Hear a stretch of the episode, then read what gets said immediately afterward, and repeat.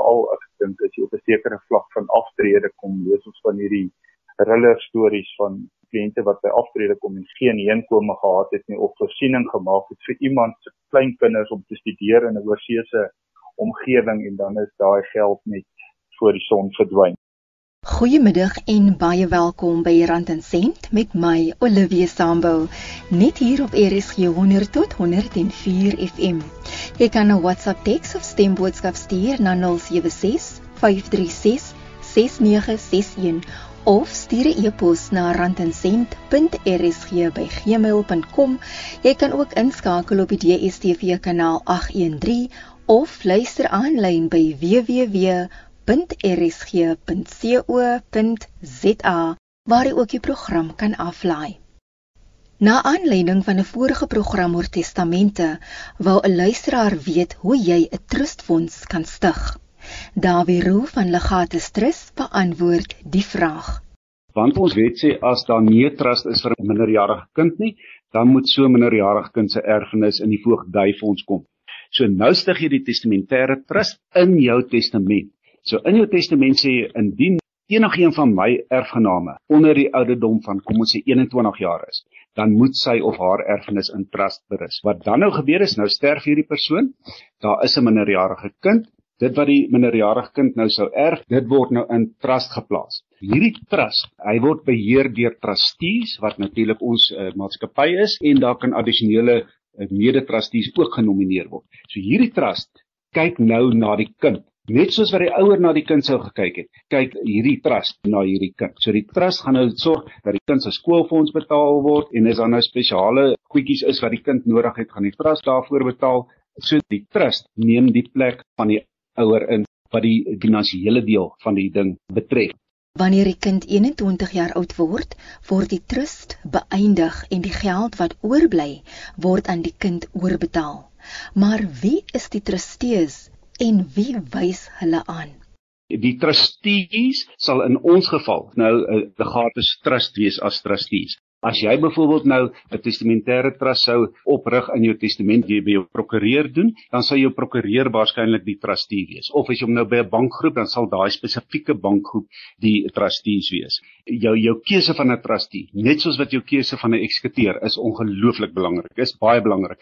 Want daai trustee gaan nou beheer vat oor die fondse wat beheer moet word ten goede van hierdie kind. Is dit enigstens moontlik dat 'n trustee sy of haar posisie kan misbruik? Die trustee is direk verantwoordelik aan die meester van die Hooggeregshof. Daai trust word elke jaar geaudit deur 'n onafhanklike ouditeur en daai audits word dan ook voorgelê aan die meester. So die trustee kan nie doen net wat hy wil nie. Hy is verantwoordelik aan die die meester van die Hooggeregshof.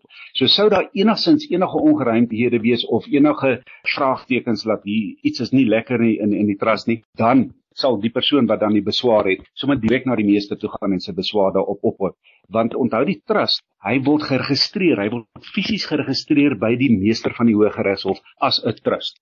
Daar is nie 'n voorgeskrewe minimumbedrag nodig as jy 'n trustfonds wil stig nie, maar dit moet prakties uitvoerbaar wees. Kom ons sê jy sit met R2000 dan gaan dit glad nie prakties wees om dit in 'n trust te sit nie. Want die koste om die trust op te rig en die administrasiekoste gaan dit net nie regverdig nie. Maar daar is nie werklik 'n minimum bedrag wat deur die wet voorgeskryf word nie.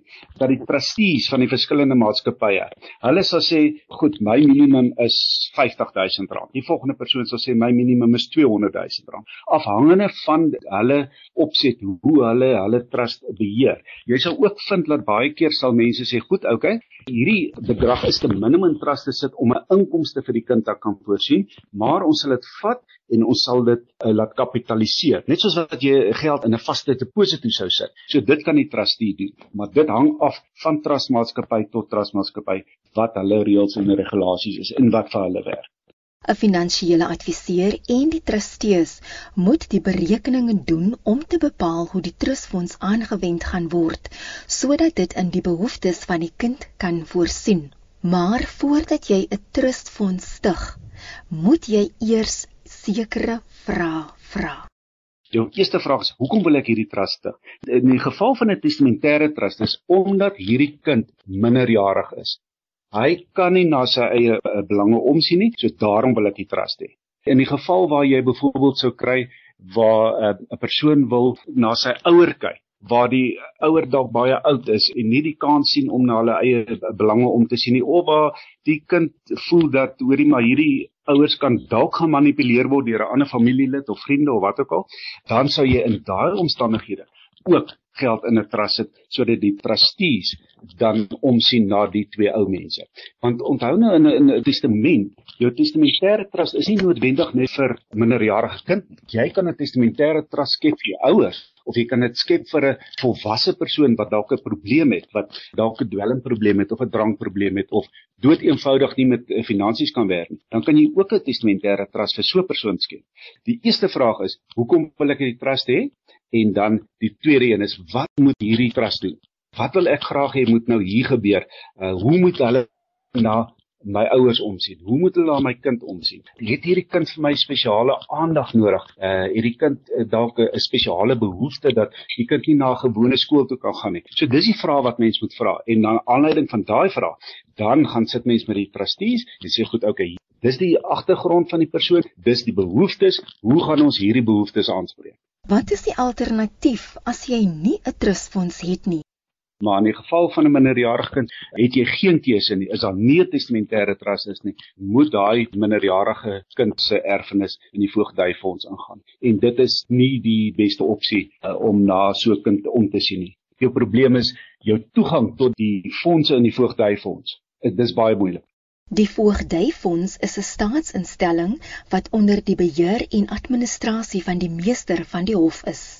Of uh, jy kan dit ook aanwend vir erfgename wat jy nie kan opspoor nie. Sê byvoorbeeld die eksekuteur is besig om 'n boedel te beredder en daar is 'n erfgenaam wat hy nie kan opspoor nie. Dan sal hy na verloop van tyd laat hy nou alles in sy vermoë gedoen het om hierdie ou op te spoor.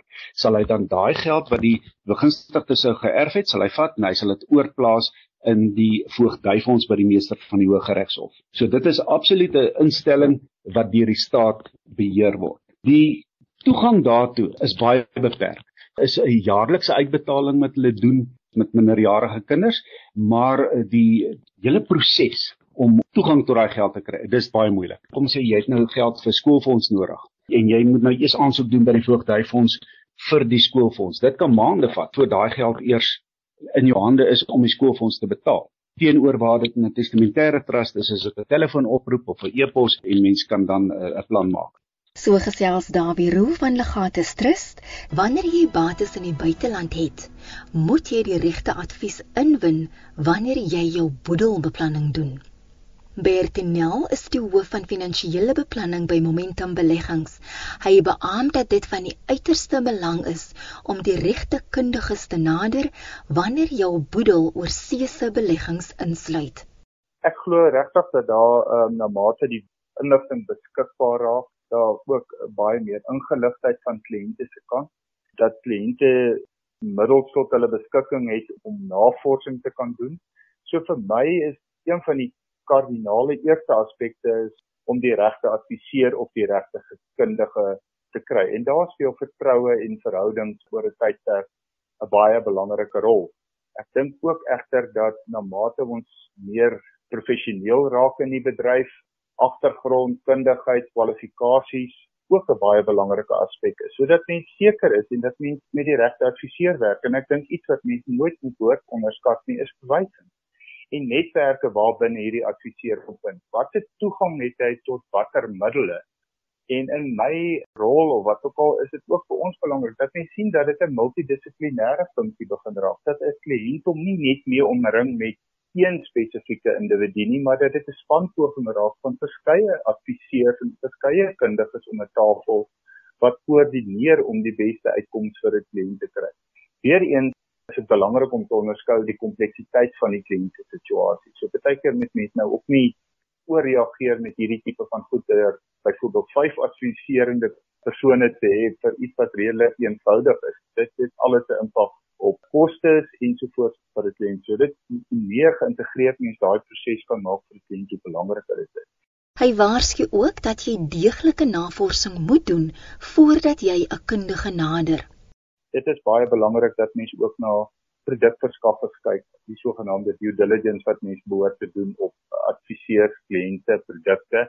want daar is ongelukkig nog steeds lees ons elke dag daarvan in die media van kliënte wat uh, ingedoen is deurdat van hulle beleggings net oornag verdwyn het. En soveel meer in 'n groter konteks van 'n wêreldwyd waar daar soveel donker gate kan wees waar waar mense net kan lees. En veral ek dink as jy op 'n sekere vlak van aftrede kom lees ons van hierdie thriller stories van kliënte wat by aftrede kom en geen heenkome gehad het nie of voorsiening gemaak het vir iemand se kleinkinders om te studeer in 'n oorsese omgewing en dan is daai geld net voor die son verdwyn. So ek dink dit is baie belangrik dat mense jou huiswerk baie behoorlik doen en dat mense finansiële weldeurdagte finansiële plan behoort op te stel maar waarvan jou beleggings ook 'n baie belangrike konsep is of 'n komponent is eintlik.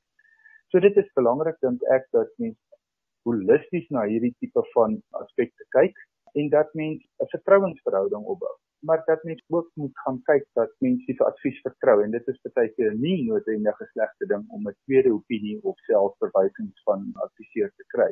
En ek dink dit is ook belangrik dat kliënte en adviseur 'n uh, baie noue band volg en dat kliënte ook 'n langtermynstrategie behoort te volg. Ons sien baie keer dat kliënte baie korttermyn gerig is of as daar een aspek is wat nou nie altyd lekker uitwerk of 'n rand versterk of 'n swak nie soos wat mense dit beoog het nie om ongemaklike vinnige besluite te neem om om te weer te disinvesteer as ek dit sou kan sê. So dit is belangrik dat mense 'n plan moet hê en dat mense by daardie plan moet hou en dat mense weer lopend advies behoort te kry op daardie plan sodat dit altyd relevant is vir die kliënte betrokke in spesifieke omstandighede.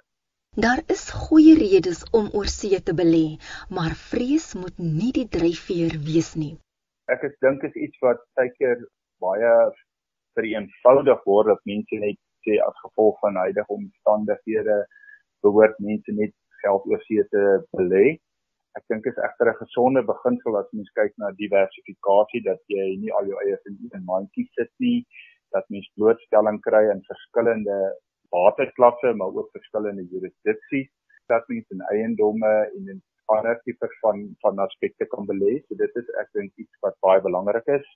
Ek dink toegang tot internasionale middele soos byvoorbeeld verdere studies of beplanning vir kinders wat byvoorbeeld oor see gaan werk en en die tipe van aspekte raak dit belangrik om leseiers op te bou in 'n in 'n oorsese konteks. Dit is krities van belang dat hierdie tipe van diversifikasie toegepas word. So ek dink dit is hoekom kliënte oorsee sou wil belê en hulle te diversifiseer teen opbrengste sowel as 'n randverskansing. Ons sit met 'n uh, situasie waar ons die realiteit van 'n wisselkoers moet in ag neem. So daar's verskeie behoeftes hoekom persone oorsee sou wou gaan belê. En maar ek dink nie dit behoort net 'n 'n situasie te wees dat ons bang is vir ons huidige binnelandse omgewing noodwendig of onseker is daaroor nie reeds gepas te word. Die jurisdiksie van die verskillende lande is 'n kritiese komponent want die wetgewing van die verskillende gebiede gaan 'n uitwerking op jou beleggings hê. Die kompleksiteit van verskillende lande se wetgewings, jurisdiksies, toepassingsgebiede maak dit baie gekompliseerd. Ek dink dat ons ook funksie van boedelbeplanning in 'n kliënteportefeulje baie keer onderskat deurdat dit kliënte so aangewese is op of op adviseurs of op eie advies of eie gewin om hulle eie portefeuilles te struktureer en dit is baie meer as net om 'n blote belegging te struktureer. Ek dink dit gaan oor gepaste strukture, ek dink dit gaan oor effektiwiteit van belastingkostes ensovoorts wat 'n sameloop vorm. En in 'n Suid-Afrikaanse konteks waar jy net na Suid-Afrikaanse bate gekyk het, was dit al 'n uitdaging maar ek dink na mate die wêreld vir ons oopmaak en daar baie meer veral in die gegeewe van diversifikasie kliënte wat buitelandse belange najag, het sy dit immigrasie, het sy dit buitelandse geleenthede uit 'n besigheidsoogpunt, het sy dit kinders uh, afhanklik is wat die wêreld vol leef, die wêreld het so klein geword en daarom raak die kompleksiteit daarvan meer en dit is absoluut kardinaal dat mense met die regte mense vennootskappe vorm want want die wêreld se jurisdiksies ek meen net as mense na Europa of FSA of of al hierdie plekke begin kyk is dit 'n hoogs gespesialiseerde veld om seker te maak dat die die gepaste wetgewing toegepas word en in ag geneem word wanneer na 'n kliënt se se strukture gekyk word Die behoeftes van kliënte moet ook eerste gestel word. Dit is een van die groot uitdagings van die industrie. Ehm um, en ek dink met die nuwe regulatoriese wetgewing en maatreëls wat daar in plek kom dat al hoe meer gekyk word na die na die uitkoms vir die kliënt en dat die belange van die kliënt voorop gestel word. Waar ons in die altyd in baie keer in die verlede 'n baie produkgeoriënteerde maatskappy het. So dit is baie belangrik dink ek in die nuwe bedeling om die omstandighede van 'n kliënt altyd in oënskouing te neem en advies daarvoor te struktureer. Maar daarbey saam met die toegang tot die wye wêreld daar buite oor see het advies baie meer gekompliseerd geraak en is daar baie meer aspekte wat 'n ou op 'n persoon in ag moet neem wanneer hierdie advies gegee word. Dit is 'n uitdaging, ek dink dit is 'n baie positiewe uitdaging, maar ek dink dit is waar jy in die bedryf heen beweeg as om kliënte belange te te korreleer of wat ook al met produkbehoeftes en wat ook al daar buite is en dat die produk nie meer die alleroorheersende aspek is nie, maar dat die advies die belangrike aspek word. Dit was Bertinel van Momentum Beleggings. Ek het ook gesels met Dawie Roo van Legatus Trust. Ek is Olivia Sambo en dis oor en uit van my kant tot volgende week. Die program word weer Woensdagoggend om 04:30 uitgesaai. Lekker week en alle sterkte aan die matrieks met hulle eksamen.